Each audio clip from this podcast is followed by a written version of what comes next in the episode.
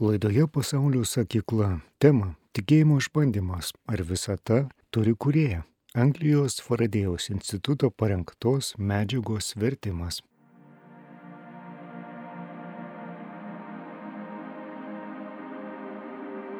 Ar mes šioje planetoje atsiradome atsitiktinai? O gal mūsų gyvenimai turi tam tikrą integruotą tikslą? Šimtmečiais religija rodė kelią į tiesą.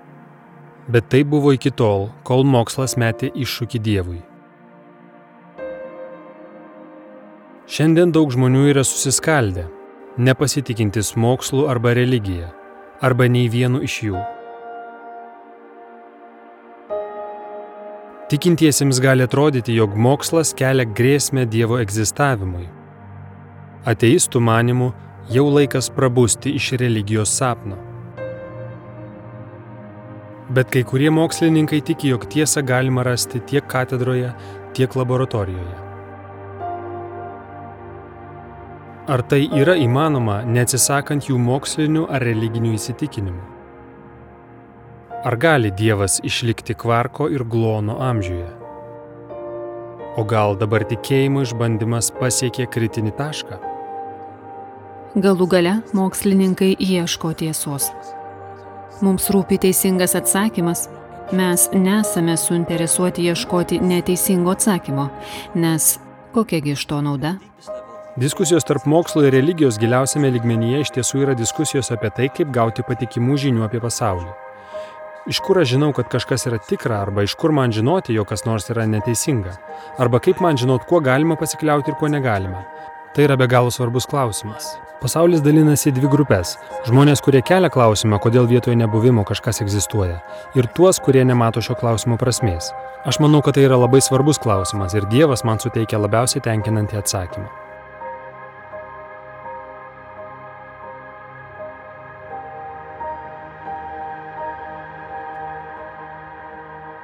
Tikėjimo išbandymas.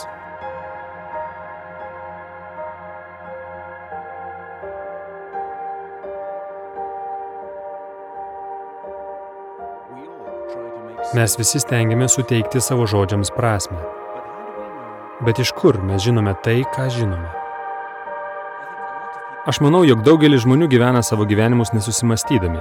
Kiekvienas tam tikrų būdų yra filosofas. Tai reiškia, kiekvienas turi savo mažytę filosofiją, savo teologiją apie tai, kas yra svarbu, kas ne. Tačiau daugelis žmonių idėjų įgyja iš tėvų, mokykloje, iš televizijos ar žurnalų, pagal jų supratimą, kas yra teisinga, svarbu ir kas ne. Ir jie gyvena šios neištirtus gyvenimus. Taigi mokslo ir religijos dialogas padeda žmonėms susimastyti, kodėl aš rūpinuosi būtent šiais dalykais, kodėl aš tikiu Dievu, kodėl aš netikiu Dievu, ar taip yra dėl mano auklėjimo, o gal dėl to, jog aš rūpestingai ir objektyviai apmašiau šios klausimus. Mokslinėje religinėje diskusijoje glūdi įdomus klausimai. Kokia yra mūsų pasaulio prigimtis? Kaip atsirado gyvybė? Ir visų svarbiausia, ar visa tai yra beprasme ar tikslinga.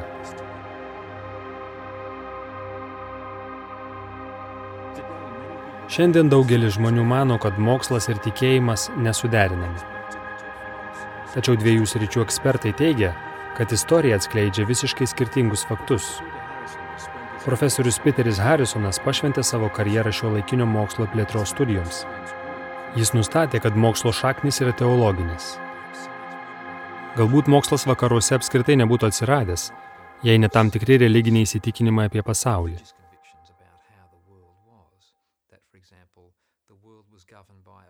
Pavyzdžiui, jog pasaulis valdomas protingo įstatymų leidėjo dievybės, sukūrusios matematikos taisyklės, kurios garantavo pasaulio taisyklingumą.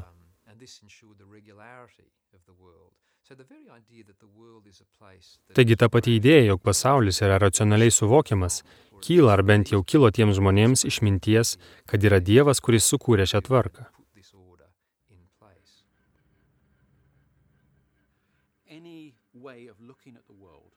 Bet kokia pasaulyje žiūra turi turėti pagrindinės prielaidas, kurias jūs laikote savaime suprantamų dalykų. Nors tos prielaidos nėra įrodymai, tačiau norėdami tęsti tyrinėjimus, turite jomis pasikliauti.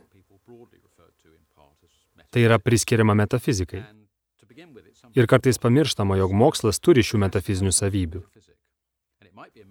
Viena vertus, metafizika mano požiūriu gali būti neįdomi, nihilistinė, teiginti, kad viskas yra absoliučiai akla beprasmybė, arba jog viskas įvyko atsitiktinai. Tačiau kita vertus, jūs esate kviečiami apsvarstyti kitokią metafiziką, kuri vėlgi iš mano kaip krikščionio pozicijos atrodytų neprimtina mano materialistiškiems kolegoms.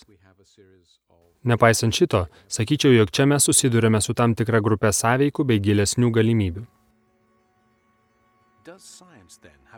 Ar mokslas turi neišsakytų prielaidų? Šiandien mokslu dažnai naudojamasi ateizmui palaikyti.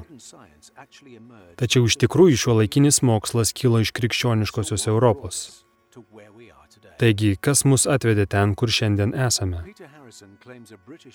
Peteris Harrisonas teigia, kad tai britas biologas padėjo įkalti pleištą tarp mokslo ir religijos. Tomas Hakslis išvelgia darvinizme potencialą, galėjusi padaryti biologiją mokslinę ir suteikti jai reikšmingą viešą įvaizdį, bei padaryti mokslą svarbiu visuomeniai tokiu būdu, kokiu jis dar nebuvo, o iš dalies tam tikrą prasme atimant mokslą iš dvasininkų kurie dėl įvairių priežasčių ilgą laiką dominavo mokslo pozicijose ir mokslo įstaigose.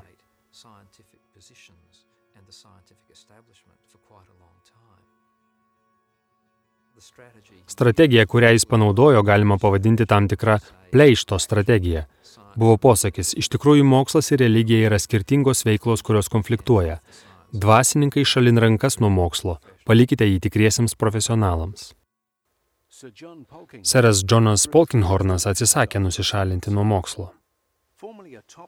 Anksčiau dirbęs Kembridžo universitete kietųjų dalelių fiziku, jis paliko savo akademinį postą karjeros viduryje tam, kad taptų dvasininku anglikonų bažnyčioje.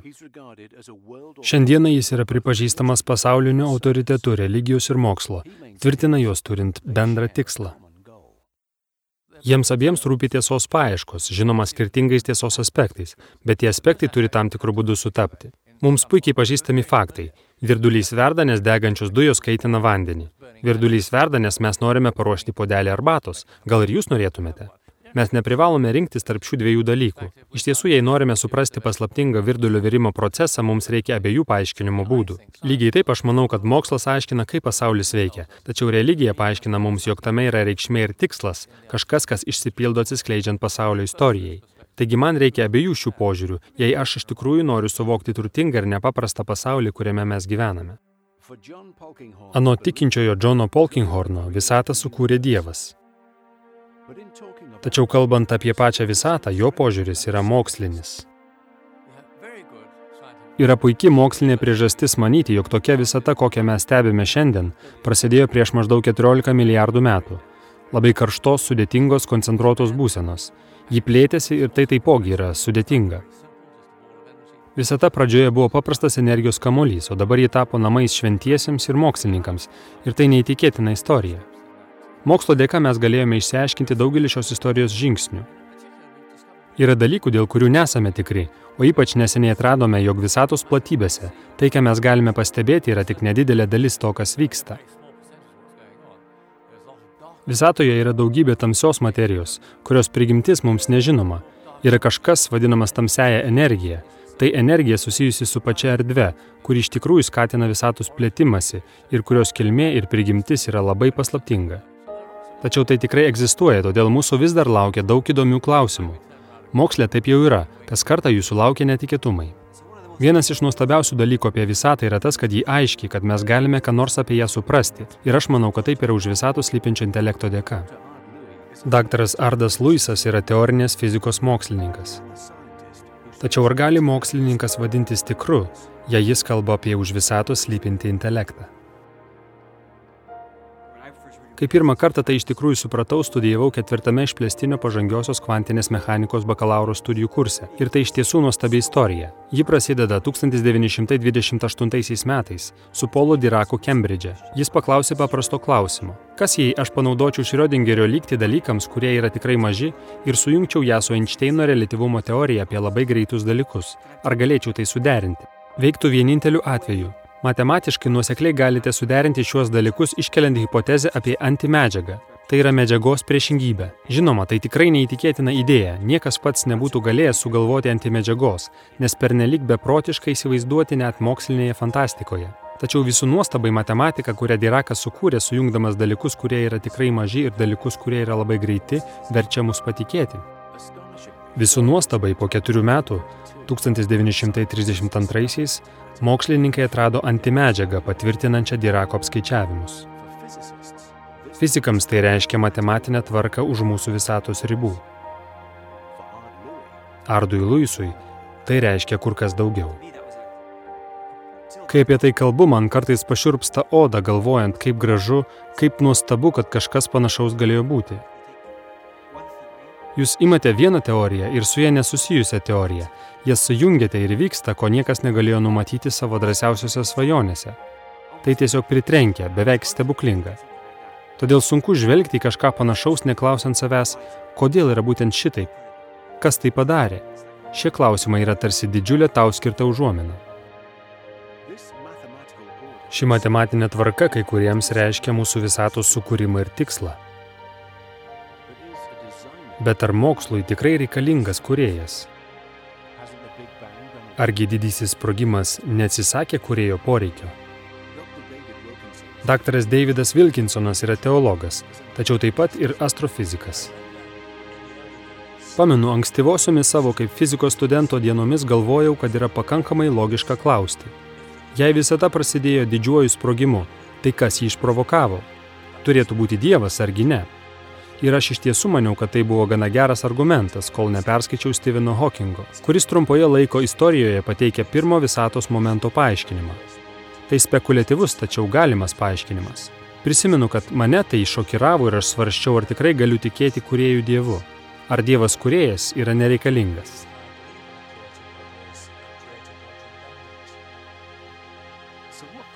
Ką tiksliai mokslas atskleidė apie mūsų visatos pradžią?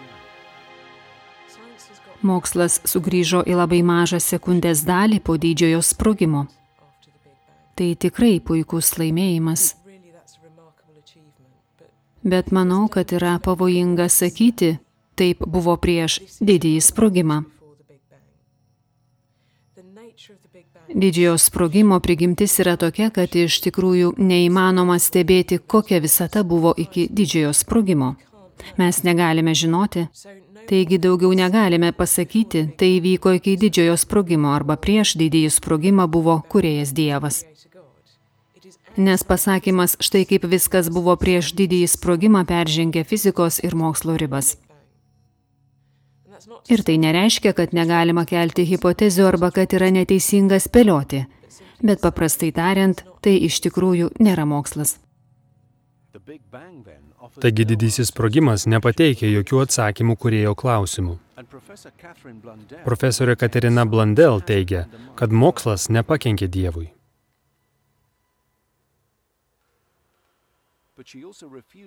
Bet ji taip pat atsisako įrodyti Dievą, panaudodama mokslo spragas. Jei sakote, na, mokslas atsako į klausimus apie visatą,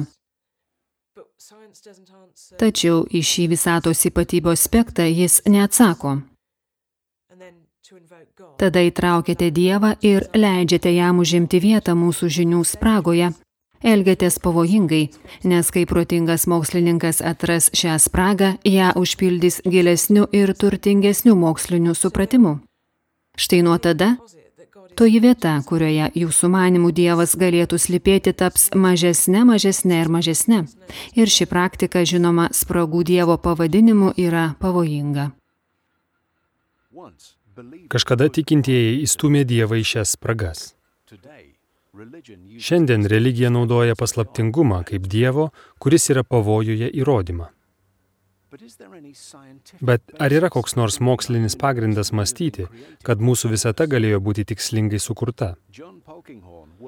Džonas Polkinghornas dirbo kartu su astronomu, kuris padarė svarbų atradimą, sukrėtusi jo įsitikinimus. Elementų sandaros išsiaiškinimas buvo vienas didžiausių astrofizikos triumfų įvykęs 20-ojo amžiaus antrojoje pusėje. Kadangi ankstyvoji visata labai paprasta, joje gaminasi tik labai paprasti elementai. Tiesą sakant, vandenilis ir helis - du paprasčiausi elementai ir nelabai ką su jais nuveiksite, nes jų cheminės savybės labai nuobodžios. Jums reikės kur kas daugiau elementų, jei jūs ketinate sukurti ką nors tokio įdomaus kaip gyvybė, o ypač jums reikės anglies. Gyvybės cheminės savybės yra anglies cheminės savybės. Taigi iš kur kyla anglis? Visoje visatoje yra tik viena vieta, kurioje gaminasi anglis - vidinėse branduolinėse žvaigždžių krosnyse. Kiekvienas mūsų kūno anglies atomas kadaise buvo žvaigždės viduje. Mes esame žvaigždžių dulkių žmonės. Kaip tai įvyko, buvo išsiaiškinta Kembridže. Fredas Hoilas, mano vyresnysis kolega, buvo vienas iš pirmaujančių šios ryties veikėjų ir bandė išsiaiškinti, kaip atsirado anglis. Jie turėjo helio ir jei būtų pavykę tris helio brandolius išlaikyti kartu, jie būtų išgavę anglį. Bet jie negalėjo suprasti, kaip tai padaryti. Negalėjo priversti trijų alfa dalelių vienu metu laikytis kartu. Gerai, sakykime, darykime tai po truputį. Sujunkime iš pradžių du helio brandolius ir gausime berilį. Pridėkime dar vieną, gausime anglį. Bet tai neveikia, nes berilis yra labai nestabilus. Viskas tiesiog sunyksta. Taigi jie buvo įstrigę ir tuomet Fredui šovė gera idėja. Jis tarė, tai veiks, jei yra kažkas vadinamas rezonansu, labai stipriu efektu, kuris yra tik tinkamoje anglies energijoje, kad šis papildomas helio brandolys prikiptų ir laikytųsi žymiai greičiau nei jūs galvojate. Taigi, labai patenkintas savimi jis nuėjo prie brandolinių duomenų lentelių patikrinti, ar šis rezonansas, šis efektas yra ten. Deja, jo nebuvo. Fredas buvo labai užsispyręs žmogus. Paskambino kai kuriems draugams valstijose sakydamas, klausykite, jūs kažką praleidžiate Anglyje. Ten yra rezonansas, kurio jūs nematėte, bet aš tiksliai žinau, kad jis ten yra. Nes jis žinojo, kad ši energija ten turi būti. Jo draugai nelabai norėjo ieškoti, tačiau galų gale patikrino ir surado. Nuostabi mokslinė istorija, tačiau Fredas suprato, kad tai daugiau nei tik mokslinė istorija. Nes žinoma, jei brandolinės fizikos dėsniai būtų bent šiek tiek kitokie, nebūtų buvę jokio rezonanso. Arba tai būtų buvusi kokia nors kita energija ir neteiktų jokios naudos. Yra užfiksuota, jog Fredas, ilgametis ateistas, savo akcentu, kurio aš nesugebu atkartoti, pasakė, visata buvo suplanuota. Kitaip tariant, visata yra pernelyg prasminga, kad būtų tiesiog laimingas atsitiktinumas. Už viso šito turi būti kažkas. O kadangi Fredas nemėgo žodžio Dievas, jis sakė, kažkoks intelektas iš didžiosios į pajokavo su visatos dėsniais. Visatos tyrinėjimas užmena mislės net ir ateistams. Hoilo novatoriškas atradimas paskatino tai, kas vėliau tapo žinoma kaip antropinis principas. Tikslių fizikos dėsnių dėka mūsų visata išlaiko tikslę pusiausvyrą. Regis, mūsų visata yra pašėlusiai neįtikėtina. Gamtos įstatymai turi tam tikras konstantas ir nėra aišku, kodėl šios konstantos turi būtent tokias vertes, kokias turi. Tačiau akivaizdu, jei bent šiek tiek pakeistumėte šias konstantas, gautumėte visatą, kuri būtų iš esmės nevaisinga, be gyvybės. Ir vienas labai garsus pavyzdys. Šiek tiek pakeitus kai kurias elektromagnetinės konstantas, Saulė susproktų ir nebeliktų Žemės. Mūsų visata labai ypatinga savo pobūdžiu. Prasminga tai, jog visata laukėsi gyvybės iš esmės nuo didžiojo sprogimo momento, nes pats fizinis pasaulio audinys, gamtos įstatymai, kuriuos mokslas priima, bet negali paaiškinti, turėjo būti labai tiksliai, labai smulkiai sureguliuoti tam, kad anglės pagrindų funkcionuojanti gyvybė taptų įmanoma. Taigi, ar galiausiai mokslas pripažįsta tikslinę visatą ir Dievą? Ar visgi religija kelia pavojų mokslui, bandydama jį įveikti? Manau, kad būtų sažininga teikti, jog niekas iš to, ką mes stebime gamtoje, pavyzdžiui, jos taisyklingumas ar netgi neįtikėtini antropiniai reiškiniai, neįrodo Dievo buvimo. Tačiau itin svarbu, jog jie visiškai dera su tikėjimu į Dievą ir todėl norėčiau pasiūlyti, kad mes negalvotume, jog gamta įrodo Dievo egzistavimą. Taip galėjo manyti ankstesnioji karta. Man labai svarbu, kad pasaulis, kurį tyrinėjame, atitiktų tai, ką sako krikščionis kad teorija ir stebėjimas atitiktų vienas kitą.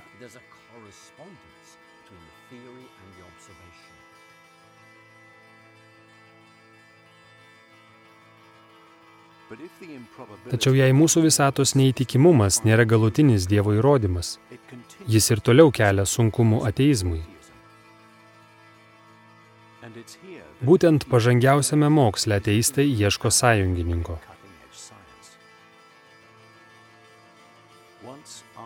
Kažkada mūsų visata buvo laikoma unikalia, bet šiuo laikinė kosmologija atveria visiškai kitokias galimybės.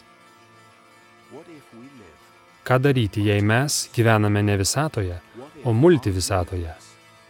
Ką daryti, jei mūsų visata yra tik viena iš daugelio? Antropinis principas reiškia religinį klausimą. Kaip mūsų visata gali būti taip neįtikėtinai vaisinga gyvybei? Atrodo, kad multivisata dabar pateikia materialistinį atsakymą.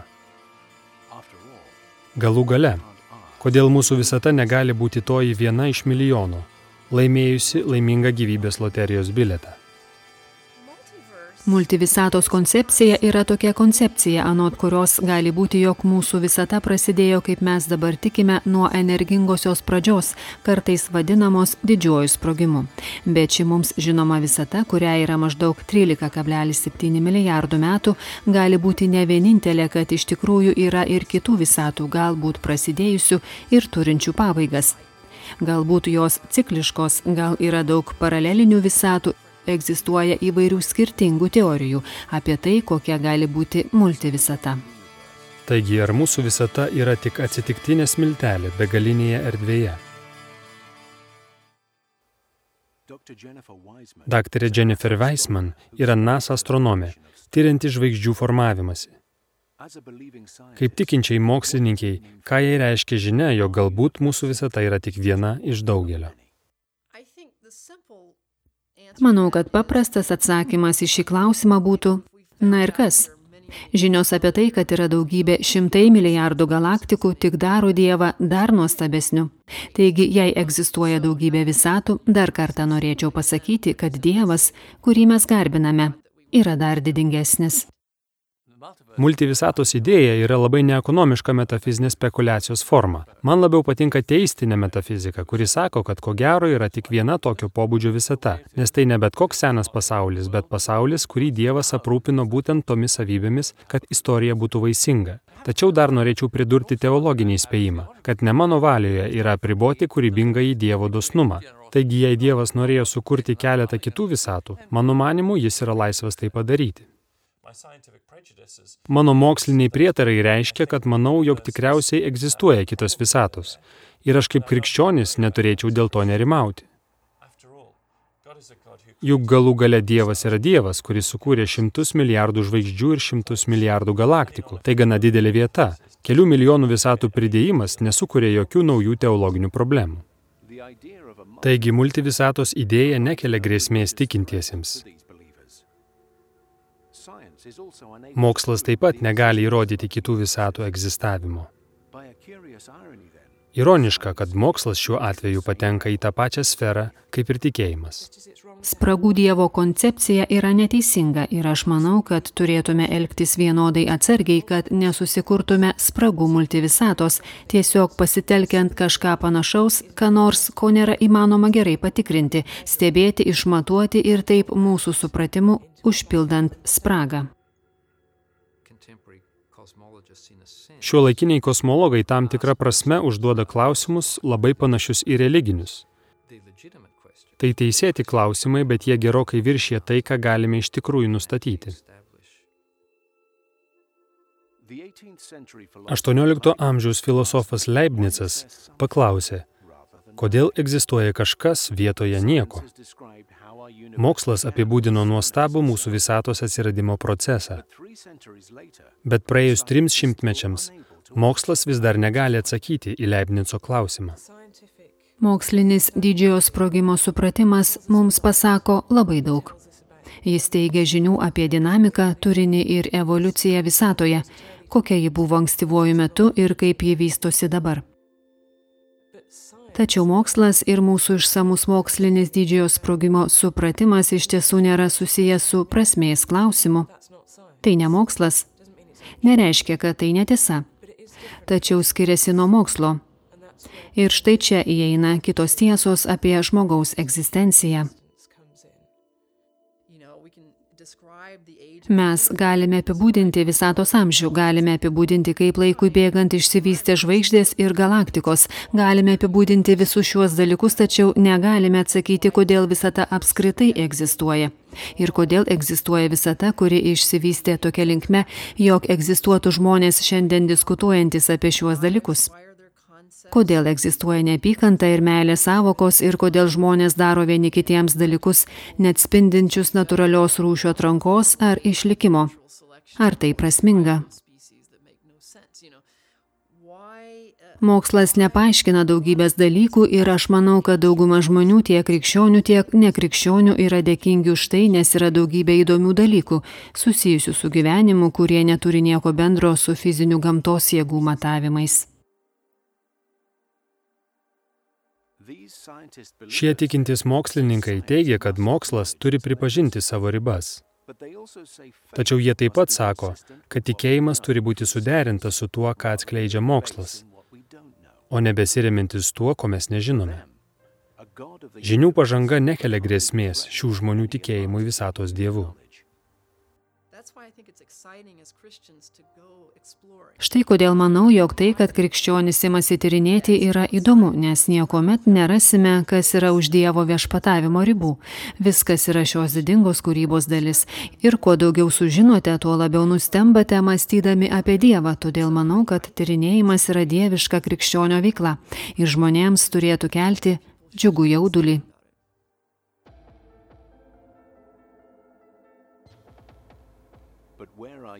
Tačiau tai, iš kur atsirado mūsų visata, yra tik viena iš mokslo istorijų. Kita istorija - kaip atsirado pati gyvybė. Tai pasakojimas apie Čarlzo Darvino evoliucijos teoriją. Istorija prasideda ne biblinėme sode, bet akivaizdžiame chaose. Taigi, ar tikinties biologai gali suteikti prasme teiginiui, kad esame sukurtieji Dievo vaikai? Ar šis biblinis pasakojimas dabar jau virto griuvėsiais?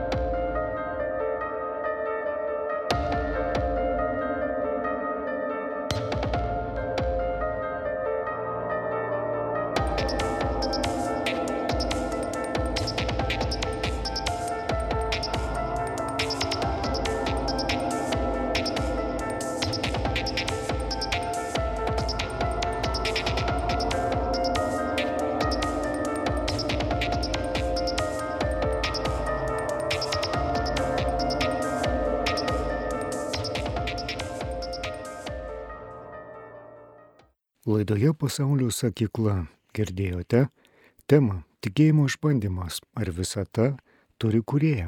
Anglijos Faradėjaus instituto parengtos medžiagos vertimas.